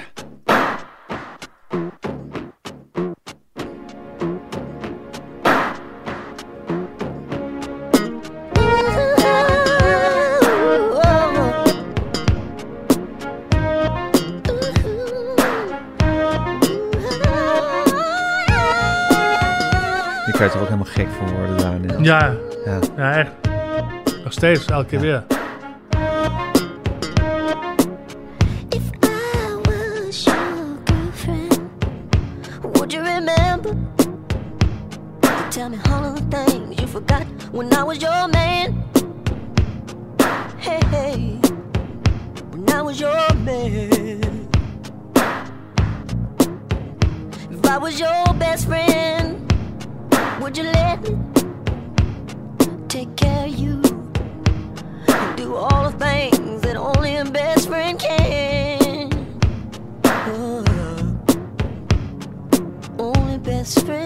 Dit vind ik het ook zo mooi, dat stemmetje. Dat is gewoon een typetje van hem. Camille. Dat is gewoon een, een, een, een, soort dingetje geweest dat, dat de stem iets omhoog ging. En niet in pitch, niet in hoogte, maar wel in... Hè, dat is een soort, nou, het is een beetje een ander stemmetje. En daar heeft hij toen een hele plaat meegemaakt met Camille. Die heeft hij nooit uitgebracht. En een paar nummers zijn op die eh, Sign of the Times terechtgekomen. Maar ik zat in die tijd eh, allemaal al in bandjes met, met die jongens hier. En die jongens die wilden alleen maar brood naspelen en, en, eh, en, en, en weet ik veel, een brood en, en Stones en eh, Rod Stewart en zo. En dat vond ik ook mooi. Maar ik, had, ik kreeg verkering met meisjes die kwamen hiermee aan. En ik vond het mooi. Ik vond het te gek. En eh, dus dat, dat sloeg helemaal niet aan bij die kameraden van mij. Ik vond dat allemaal maf. Maar ondertussen lag ik opeens v- voor het VVV-kantoor in Emmen, omdat Prince die kwam spelen. Weet je wel, ik heb kaartjes geregeld voor een vriendinnetje en een zusje. En In Utrecht, in de Galgenwaard. Ja, en dus Ja, ik, daar, die ik ben daarbij geweest. Ja, Die tweede Ik avond. Zo, ja, was jij er ook? zeker. Ja, niet ik normaal. weet niet of de eerste of de tweede, of de, volgens mij heeft hij drie avonden toen Ja. in de Galgenwaard gestaan. Nou, ik, eh, dat was echt een life-changing moment. Een Dat- concert van Prince meemaken is gewoon een life-changing moment. Eigenlijk elke keer weer. Ja, Maar, maar, maar dat was voor mij de eerste keer zo, ook zo groot. Ja, En dat hij opkwam en dat hij begon met die overstuurde gitaar. En ik, ik, ik, ik werd met echt Sign of the. Times. Ja, Ja. maar ik werd echt, echt mijn vriendinnetje mij aan de arm trok van doe ze hem normaal joh. En maar ik stond echt, ah, zo. ik werd helemaal gek. En, en daarna, nou, heb ik dat belachelijk veel gedraaid. En ook allemaal uitzitten zoeken, wat doet hij nou met die baas? Alles zelf ingespeeld Ja, op deze plaat. ja, dat Ja. heeft hij allemaal... Helemaal in zijn eentjes in elkaar zitten fruibelen. En ook wat ik zo mooi vond aan het concert, maar ook aan alles wat hij deed, dat alles zag er anders uit. Je zag nooit een echte piano. Er was, zat een tijgervel overheen. Of eh, je zag nooit eh, versterkers. Er zat, was allemaal weggewerkt. Hij maakte dus helemaal zijn eigen Wereld. planeet. Ja. Dat, dat, dat, en daarna heb ik ook nog heel veel, heel veel concerten van hem gezien. Elke keer als hij in Amsterdam of in eh, Nederland kwam. En eh, ik denk dat ik twee, drie jaar geleden of zo. Toen eh, reed ik weer door, langs Minneapolis. Ik dacht, weet je wat, ik ga er eens even naartoe. Hij was net overleden.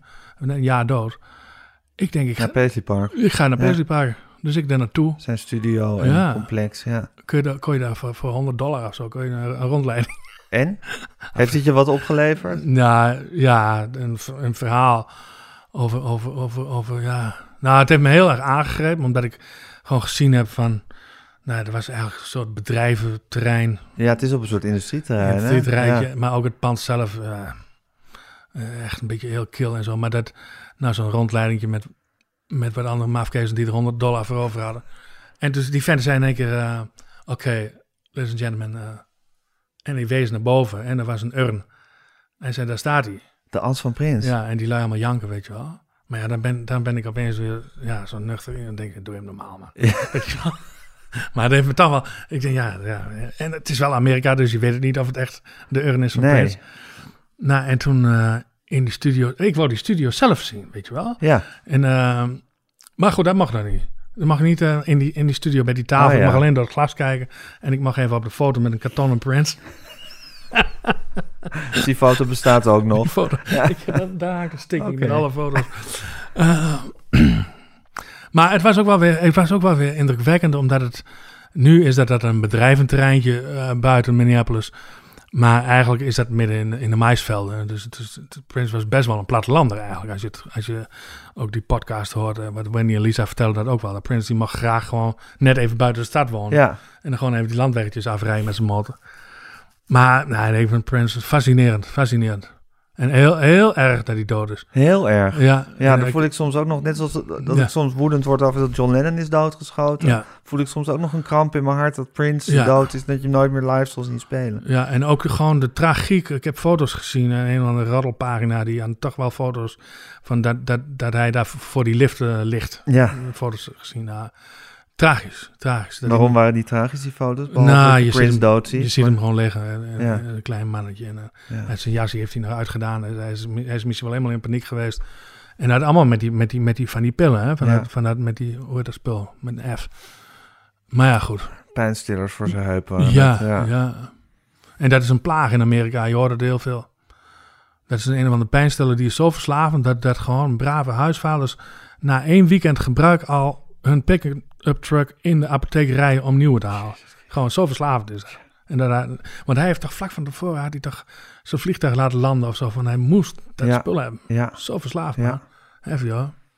Maar wat een figuur, hè, die Prince. Nou. Wat een, wat een raar mannetje. Heel raar, ja. Ja.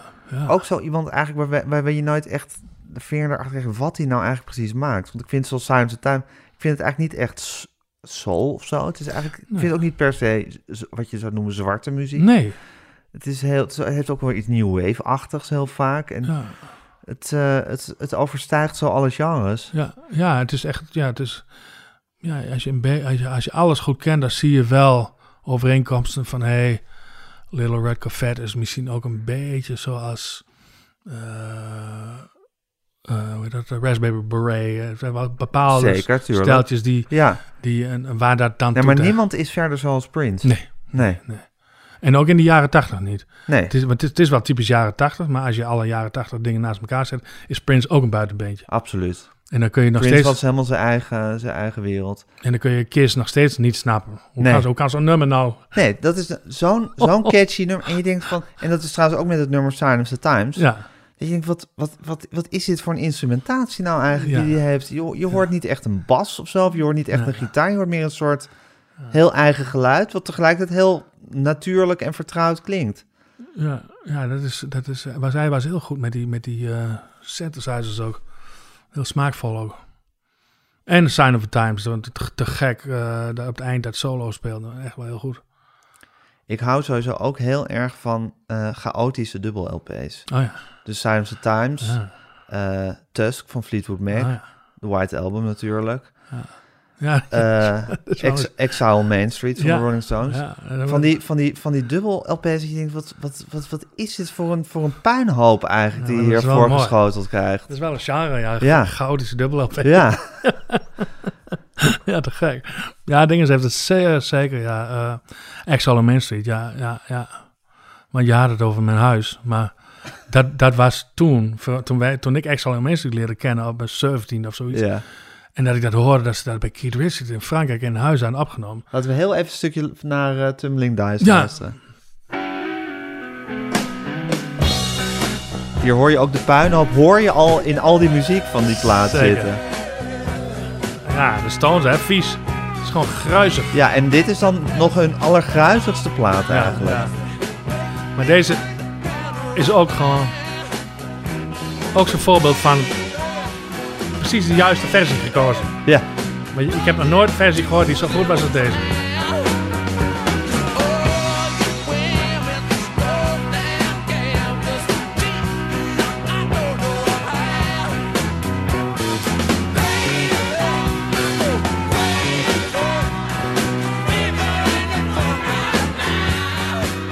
En ze waren toen daadwerkelijk in exile, op de vlucht voor de Belastingdienst Ja. geloof ik, in een, in een soort zeer vochtige villa van Keith Richards in Zuid-Frankrijk Ja. terechtgekomen. Waar ze in de kelder die plaat opnamen, waar geloof ik alle instrumenten per definitie ontstemd waren, omdat het er zo vochtig was. Ja. En dat, je hoort de Ja. ontreddering een beetje op die plaat ook, hè? Ja, en ook, en ook en dat zijn echt, echt eh, wilde feesten ook en heel veel drugs. Ja, En Graham Parsons die daar over de vloer kwam. ja. En waar Keith Richards dus helemaal bevriend Idolaat was. van was. Ja. Ja, En, eh, ja, en echt, eh, echt eh, die foto's zijn ook magnifiek. En, de- en dan zaten ze daar gewoon een beetje te zuipen en te bloten en te, snuiven. en te snuiven En en, te weet ik spuiten. veel. Ja. En, en, en toch vonden wij dat toen als, als, als, als pubers. Toen zei ik tegen Maarten, die kameraad van mij, die, die bas speelde, zei ik, "Nou, dat gaan wij later ook doen. Jongen. Gaan we naar huis en dan gaan we naar huis nemen en dan helemaal vol met gitaar zetten en dan gaan we daar platen opnemen. Wat, Ja. wat te gek. En doen. En dat is waar je nu zit. Ja. Maar waar is Maarten? Maarten die is inmiddels onderwijzer in Noord-Groningen. en, eh, maar die heeft hier genoeg gezeten. En we hebben. Maarten was later ook bij Skik. En, eh, maar ik, ik heb hier thuis ook nu... Ik heb platen opgenomen hier. En, eh, Ja, en eh, dit is eigenlijk jouw versie van Exile Main Street, Nou, die hier aan het leven bent. dat begon wel, dat- toen begon wel zo'n idee van... Ja, dat kan wel gewoon. Ja, Maar dit, dit, dit, dit wat, je nu, wat jij hier nu ziet... Ja, dat, dat gaat echt in, totaal in tegen hoe ik opgevoed ben, weet je wel. Bij ons thuis, oh, netjes was het gewoon. netjes? Ja, en eh, nou ja, en, en, en eh, dat is die hier niet bepaald. En, en, maar er was wel ook, ook Bob Dylan in de band, de Basement Tape, ook zo'n verhaal. Die romantiek daarvan dacht ik van, wauw, ja, dat kan gewoon. Als ik dat wil, als, ik- als ik niemand er kwaad mee doe, kun je gewoon zo leven. Ja, en als ik hier eh, in onderbroek rond wil lopen, achter de piano wil zitten en eh, of, of allemaal vrienden over de vloer hebben met een plaat maken. Hè, eh, welke platen hebben we hier allemaal wel niet gemaakt? Wat hebben we hier een plezier gehad, joh. En dat klinkt hier toevallig ook nog eens een keer heel goed. Omdat Ja, dat houdt ook, hè, denk ik, ja. gordijnen kunnen dicht. Ja. En, En boeken. ja, die plaat van met, eh, met Stephanie hebben we hier ook opgenomen, Stephanie Struik. En dat, dat, was, dat was ook zo'n te gek, allemaal lui erbij en een studio bouwden we hier, of een mengpaneel erin. En, Ja. eh, ja, En dat is ook de muziek dienen, hè, natuurlijk. ja, Ook eigenlijk zo gaan wonen op een plek waar, je, Ja. waar, waar, waar de muziek gemaakt kan worden. de reden, de reden dat ik hier woon is ook omdat ik als ik ergens anders woon, bijvoorbeeld in een, eh, in, in een flat of zo, dan moet je altijd rekening houden met mensen. Kun je niet. Ja. Komt er iemand aan? Nee, ik zat te kijken of het een poes was of een eekhoorn. Ja, dat zijn twee katten, ja. Oh, het zijn twee katten. Ja. Maar ik heb mijn bril niet op, dus ik kon niet goed zien wel, wat, welk, welk diersoort het was. ja, ze zijn niet van mij. Ze, ze komen aanlopen altijd en Ze zijn lief, toch? Jawel, Ja. dat zijn wel lieve kaarten. Ja, het is, het is wel, het is wel een beetje, beetje dubbel, want ik, ik ben ook gek op vogeltjes. Dus En die eten ze op. Ja, Ja. dus het is, Dat is de natuur, Daniel. ja, Natuur is hard. ja, maar katten horen, horen, dit zijn verwilderde katten eigenlijk. Niemand weet van wie ze zijn. Oké. En dat hoort eigenlijk niet in de natuur. Maar ja, ik ben ook niet zo'n eh plattelander dat ik ze voor de, voor de kop schiet. nee, dat doe ik niet. Nee. Maar goed, dit is jouw Exile Main Street huis waar we nu zijn. Ja, waar je dus, woont. Ja. het is, eh, en de, ach, het is hier gewoon fijn. Mensen, mensen, ja, de laatste tijd is hier bijna niemand. Jij bent een van de eerste die hier weer binnenkomt. Echt waar? Van, van, Vanwege de corona. vanwege corona. Maar het is hier, eh, ja, het kan hier heel gezellig zijn, ja. En ook in je eentje kan het hier heel gezellig zijn. Zeker, kan Want je bent toch, ik, ben, ik zit toch vlak bij... eh, En je voelt je omringd door de muziek. Ja, Ja. en Emmen is niet ver weg en daar is op zich alles. In Emmen is alles. Nou ja, vijf bioscoopzalen. Ja. Maar- Hier kan je aan je eigen chaotische dubbel LP van het leven werken. Ja, Ja, het leven is, ook, het leven is eigenlijk zelf ook een soort chaotische dubbel LP. Het ja, dat is, Ja. Wel, dat is wel een beetje is waar. veel en het is moeilijk om het overzicht te houden. Ja, om de naald erin te houden, ja. Ja. ja. Ja, het is wel... eh, nee, ik mag niet eh, klagen wat dat betreft. Wat dit huis betreft. Nou, sowieso. Sowieso dag. wat je leven betreft. Nee, sowieso. Dag. Ik heb eh, laatst voor iemand mee, heb je, waar heb je er spijt van in je leven? Heb je ergens spijt van? En zo heel lang naast denk ik, nee, eigenlijk niet. Dingen die misgegaan zijn op persoonlijk vlak met mensen, ja, maar ja. En eh, toen kwam ik eigenlijk in één keer weer bij de puberteit, dat ik toen inderdaad, wat ik net al vertelde, met die, met die kleine beeldenstorm en zo, dat ik ook erbij gescholden heb tegenover mijn moeder en zo. Dat is misschien het enige waar ik echt spijt van heb. Ach, Daniel. Maar dat heeft ze mij wel al lang vergeven. Ja, natuurlijk. Maar, maar eh, Een puber die niet af en toe even scheldt, dat is toch ook... eh, Zo. Dat moet je toch ook niet hebben? Nee, dat in vind ik huis? ook. Dat vind ik ook. Maar ehm, nee. En hoe is het met jou en de liefde? Daar ben ik even mee vanaf gestapt. Ja, dat is, dat is eh, heel, heel veel meegemaakt op dat vlak. Ja, echt. Ja. Ik, ik, ik heb eh, fantastische romances gehad en eh, relaties. En, en, maar het is even, even niet. Nee, het is... want het gaat ook iedere keer weer mis of zo. Weet Ja. Maar, en en hoe, met de jaren steeds sneller of zo. Als je, nou, als je nou met iemand iets krijgt, ja, die heeft dan ook weer al van alles meegemaakt. En is... eh, En al ras denk je, laat maar weer zitten. Het is al snel Dan moet je weer door het hele verdriet heen. Ja, ja. ja. dat ja. Of je doet een ander weer Een ander weer verdriet. verdriet doen. Ja, Ja. Het, is, het is op een gegeven moment is het ook wel een beetje, Klaar. is het ook wel een beetje klaar, ja. Maar ja, goed, dat eh, kennen we ook wel. En dan opeens... eh, maar ik heb er ook niet zo'n behoefte meer aan eigenlijk. Dus ehm, Hm, dit lijkt me echt inderdaad het moment dat de waar ineens voor de deur staat. ja, nu aan- nu aanbelt. Ja, nu aanbelt. Een hele leuke postbode Ja. van 37. Ja. Een leuke vrouw. Ja, we hebben, ik, ik, ik heb een hier pakje. een stapeltje dubbel LP's voor je. Grijzige dubbel LP's. ik zeg, wel, kom erin. ja, nou ja, goed. Nee, maar dat is ook inderdaad, je ziet... Maar ik ben, al, ik ben altijd daar graag ook alleen geweest als kind al. Ik vind, ik vind alleen reizen bijvoorbeeld ook vind ik fantastisch. Gewoon in mijn eentje door Amerika ga ik altijd en dan... Dat mis ik veel meer namelijk. Dat ik nou niet naar Amerika Ja. kan, dat vind ik heel erg.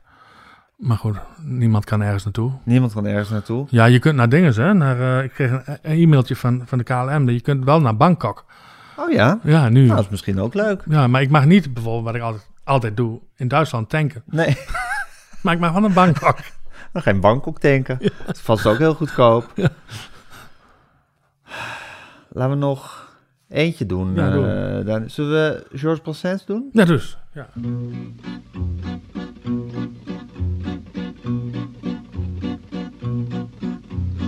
Elle est à toi cette chanson, toi l'Auvergnat qui sans façon m'a donné quatre bouts de bois quand dans ma vie il faisait froid.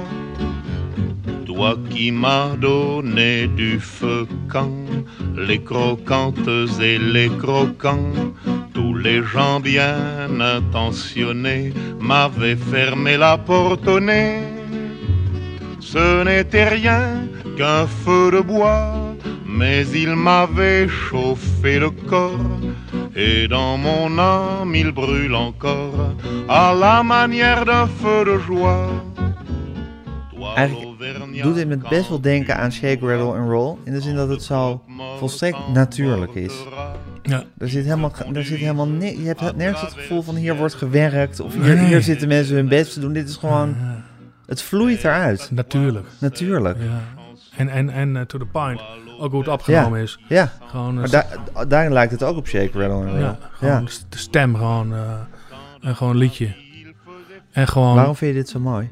Ja, ik heb, ik heb een lijstje gemaakt ooit van... eh, ik ga graag naar Frankrijk namelijk. En dan woont een vriend van mij en ik, ga, ik kom er al jaren. En toen ik mijn rijbewijs kreeg, toen heb ik een eh, lijstje gemaakt voor onderweg daar naartoe. En gewoon, gewoon Frankrijk in Spotify aantypen. En alles wat ik mooi vond. ah, die zet ik- en deze kwam daar iedere keer bovenuit. Zelfs boven Jacques Brel. Brel. En eh, wat ik ook schitterend vind. Maar, Ook schitterend, maar anders. Ja, dat is, Ja. dat is wat emotioneler. Maar dit, ik weet eigenlijk helemaal niet precies waar het over gaat. Maar die muziek vind ik... eh, en omdat het eigenlijk ook weer totaal geen rock'n'roll is. Gewoon, dit is Europese muziek. Ja. En, ehm, en, en, en, en eh, echt, ja, ik heb de, ja, muziek is ook veel associatie. Dus ik heb echt, echt die zomers, zomers associatie bij. Maar, maar ook wel eh, het, het vroege voorjaar. Ik ging, een vriend van mij woont er dus. En ik ging al eh, vroeger al, eh, twintig jaar geleden al, in het vroege voorjaar vaak er even naartoe. Even naar Frankrijk. Hij woont, hij woont in de buurt van Toulouse, zeg maar, Al, Albi, die kant op. Echt op platteland. En hij was mijn oude manager en eh, ik kon altijd heel goed zitten. Het is prachtig daar. En ik vond het vroege voorjaar in die streek zo verschrikkelijk mooi, omdat het nog zo middeleeuws was daar. Die, die wegen die er lagen waren in de middeleeuwen ook al, misschien nog wel ouder. Eh, die landjes zijn daar nog, er is niet allemaal ruilverkaveling en zo. En er is echt en er geen toeristen dan. Het is heel stil. En, en, en, en zo'n rookwolkje uit zijn huisje zo. En, en je hoort daar een jachtgeweer en een hond. En, en ja, fantastisch. Ja. Echt. En, dan, en, dan, en, dan, en dan aan het eind van de dag vuur aan. Binnen, weet je wel, een glasje wijn erbij, een stukje worst, deze muziek. En dacht, ja, ja, dat is, wel, ja, dat is echt wat voor mij. Dat vind ik eh, fantastisch. En sindsdien, ik heb een, afgelopen zomer ook een, eh, heb ik een poos een huis gehuurd. Zat ik er zo in, in mijn eentje, zo in zo'n huis, zo ook in de heuvels daar. Schitterend. Wat een tijd. Fantastisch. Gitaar mee. En dan... eh, en maar een beetje rondrijden daar, hè? Ja, en eigenlijk dat, dat, dat hele gevoel wat je nu beschrijft, zit ook in zo'n liedje als dit. Ja. Zo wat helemaal zo soort natuurlijk en eh, alsof het leven goed is. Ja, ja, alsof het leven Ja. goed is. ja, zo heel erg alsof het leven Ja. goed is. Ja, dat, is ook, dat is ook zo. Ja, maar het is, het is de, de, de gang van zaken daar in, in Frankrijk is natuurlijk ook, vooral op het platteland, is nog echt platteland. Er is een boel verschillen in. eh, in het Nederlands platteland is er bijna niet meer of zo. Hier zijn nog wel mensen plattelands of zo. En in Twente en Achterhoek. Maar daar heb je nou echt, echt plattelanders. Ja. Je herkent elkaar ook. Ik herken ze ook. En ze herkennen mij trouwens ook. Dat ook Als plattelander. Ja, ja. Dat is grappig. Ik Ze zien dat je geen stadse jongen ja. bent. Ja, dat is... eh, en eh, ze vindt heel gek bijvoorbeeld dat ik niet zo goed Frans kan. Of eigenlijk helemaal niet. Maar ik kan wat bestellen. Maar, maar ja, op een hele manier denken ze dat ik wel daar vandaan kom. Nou goed, ik, ik, ik voel me er ook thuis. Ik vind het fantastisch daar. Ja, het is een mooie, mooie wereld. En dat ook, ik vind geschiedenis mooi, weet je. Want dus dan ga ik echt lezen van... Er staat of zo opeens een kasteel daar. Ja, nooit van gehoord wie daar ooit kasteelheer is geweest of zo. Maar zijn hele geschiedenis weer achter met Kataren en zo, weet je wel. Verschrikkelijk interessant. Ja, en dat katholieke vind ik ook mooi. Ik ben van huis uit katholiek en dan is daar ook allemaal katholiek. En dan die mooie kerken. En, en Albi is een kerk, een kathedraal. En daar, ligt, daar liggen de, de, de, de botjes van de heilige Cecilia. De heilige van de muziek. Dus die ligt daar gewoon vanaf de middeleeuwen al aanbeden. En dat vind ik dan heel mooi om bij Cecilia een kaarsje aan te steken. Ja. Bij de heilige van de Dan is het cirkeltje rond, van de muziek. Daniel. Ja, precies. Want dan heb je, heb, je, heb je de katholieke kerk en de muziek. Eigenlijk Ja. de twee, de twee eh, instituten die je wilde dienen in je leven. Ja. ja. Heb je dan in één, eh, op één plek vervat. Vallen samen daar. Ja, dat is daar wel een beetje zo. Ja, te gek hoor. Ja. Het is wat, hè, Daniel, het leven. Ja, dat is zeker Ja. interessante toestand uit het leven. Ja, heel interessant. Ja, vind ik ook. Maar zonder muziek zou het toch nog wel een stukje lastiger zijn. Nou, zonder muziek en, en zonder grapjes en zo, dat zou dat inderdaad. Ja. Maar zonder muziek zou het wel. eh, nee, dan zou ik het niet leuk vinden. Nee. Dus dan zeggen ze wel, ja, maar dan is er wel wat anders wat je leuk vindt. Maar ik ga ook niet de hele dag naar een schilderij zitten kijken. Schilderij Nee, schilderij mooi. kan schitterend zijn, Ja. maar het geeft toch niet de, de emotionele bevrediging die, die een plaat van de Beatles kan geven. Nee. Nee. Alleen dit al, dat wij hier, we kennen elkaar niet. Jij komt hier, we gaan over muziek praten en je praat. Je hebt eigenlijk tijd tekort. Absoluut. En dan heb je het alleen over muziek. Ja. Dat is toch schitterend. Schitterend. Ja. Laten we eindigen. Ik denk dat we dat auteursrechten technisch ook eh, kunnen doen. Eh, dat is een heel liedje draaien, want ik denk dat er geen auteursrechten meer op rusten. Met Robert Johnson. Oh ja. Natuurlijk ook een van de grote mysteries van de, Ja. van de muziek. Een eh bluesgitarist. Ja. Van wie opnames zijn gemaakt in de jaren 20? Ja, toch wel iets, eh, dacht ik ook altijd, maar volgens mij iets, toch wel iets later. Van begin jaren 30. dacht Begin jaren 30, oké. Ja. En een raadselachtige figuur. Ja. Van altijd werd gezegd dat hij een pact met de duivel had gesloten. En Ja. daarom over een soort eh, onwaarschijnlijke gave als gitarist en liedjeschrijver beschikte. Ja. Hij is, hij is ik ben er ook achter gekomen toen ik veel naar, naar de South ging en, en, en daar in aanraking kwam met de zwarte gemeenschap, met muzikanten, dat dat nog steeds leeft. Hoodoo, dus geen voodoo, maar hoodoo. En dat zit eh, En ook de legendes rond Robert Johnson. ook wel, Ja. dat kennen ze allemaal, maar het is niet alleen Robert Johnson, Hmm. maar dat is gewoon, het is gewoon een algemeen iets. Ja. Dat weet men gewoon, je kunt dat doen. En dan gaat het zelfs zover dat ze, heel veel mensen zeggen ook dat Michael Jackson ook een soort hoodoo-priester is. Dat hij daarom met die bedeltjes omliep. Hm. En dat is die en die priester. En die had ook altijd dienaatjes, dat waren zijn kindertjes. En dat gaat heel ver, joh. En daarom geloof ik dat verhaal ook wel. Maar toen ik het voor het eerst hoorde, dit verhaal van Robert Johnson... dat, dat hij dus eh, op een kruis, kruispunt zijn ziel verkocht aan de duivel... En dat was de eerste beste. Je moet dan bij het kruispunt gaan staan en dan komt er een zwarte auto. En dan komt lekbaar eruit. En dan verkoop je je ziel aan de duivel. Dus ik denk, weet je wat, dat ga ik ook doen. Dus ik ging, dus ik ging tussen Erika en Emmen op een kruispunt staan. Er was toen nog, is nou een rotonde. En eh, ik was aan het spelen, jongen. En, ik, ik zat, en het was heel mooi weer. Het was echt net een Mississippi Delta. En ik, ik kon dat steltje al een beetje... Komt er een zwarte auto aan rijden? Ik zweer je.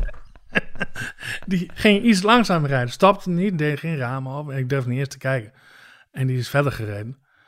En, eh, maar ik heb altijd wel gedacht, oh, shit, straks heb ik per ongeluk wel. Misschien heb je toen een pak met de duivel gesloten en ben je daarom zo goed in muziek en zo slecht in de liefde. Dat denk ik.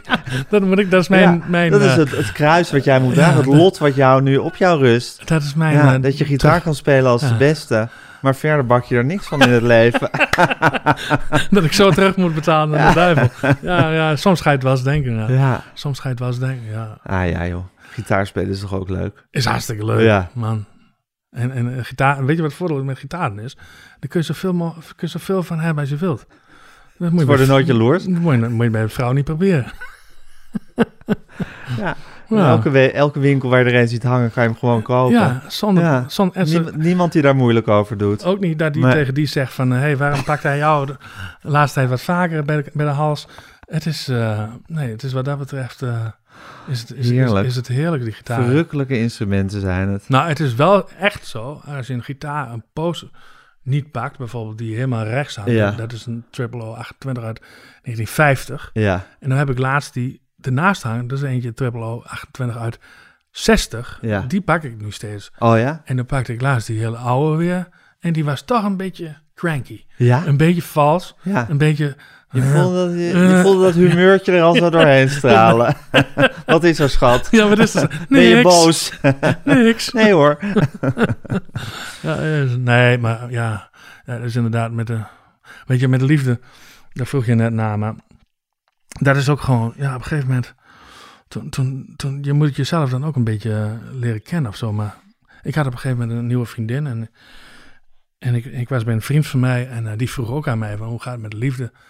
En ik zo, ja, nou ja, ik zei, nou eigenlijk, zij vindt me eigenlijk alleen maar leuk omdat ik, eh, omdat ik Daniel Loos ben. En hij kijkt me aan en zei, ja, maar dat ben jij toch ook? en sindsdien dacht ik van, ja, dat is ook zo. Je moet, je moet jezelf ook leren kennen wat dat betreft. Ja. Ja. Stel je voor dat ze je leuk had gevonden omdat je Simon Keizer was. Ja. Ja. Of, of, eh, ja, of Siep van de Ploeg. Ja. Of Siep van de Ploeg. Ja. Ja. Ja. Nou ja.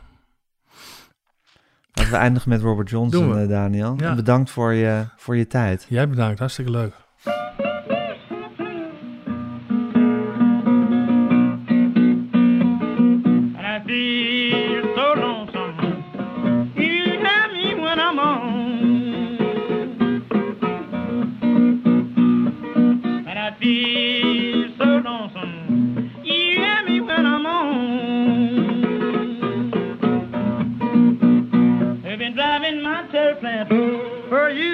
I've gone.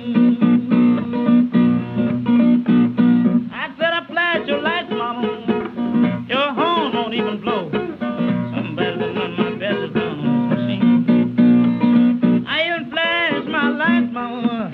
This horn won't even blow. Is short in this connection. Ooh, that is way down below.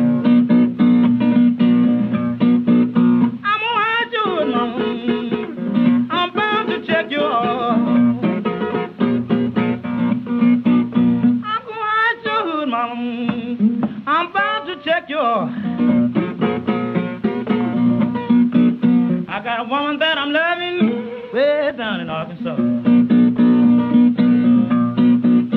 you know the cars ain't even buzzing.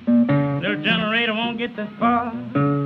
Or in a bad condition, you gotta have these batteries charged. I'm crying, please, please, don't do me wrong.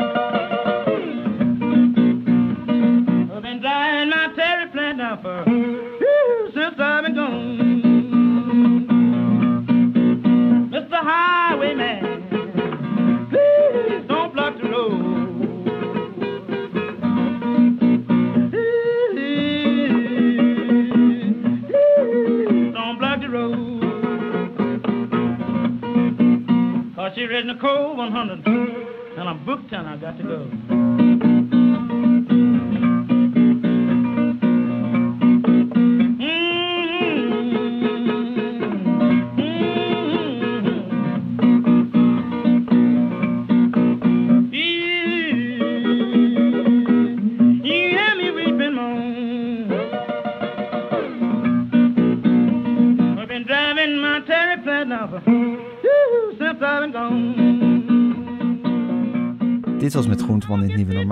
Daniel Lohuus. Mijn naam is Gijs Groenteman. Ik maak deze podcast samen met Daan Hofstee. U kunt zich abonneren op alle mogelijke manieren op deze podcast. U kunt, eh, u kunt ons een mailtje sturen, podcasts.volkshand.nl. Volg ons op Instagram, @metgroenteman. En in godsnaam, geef ons lekker veel sterretjes.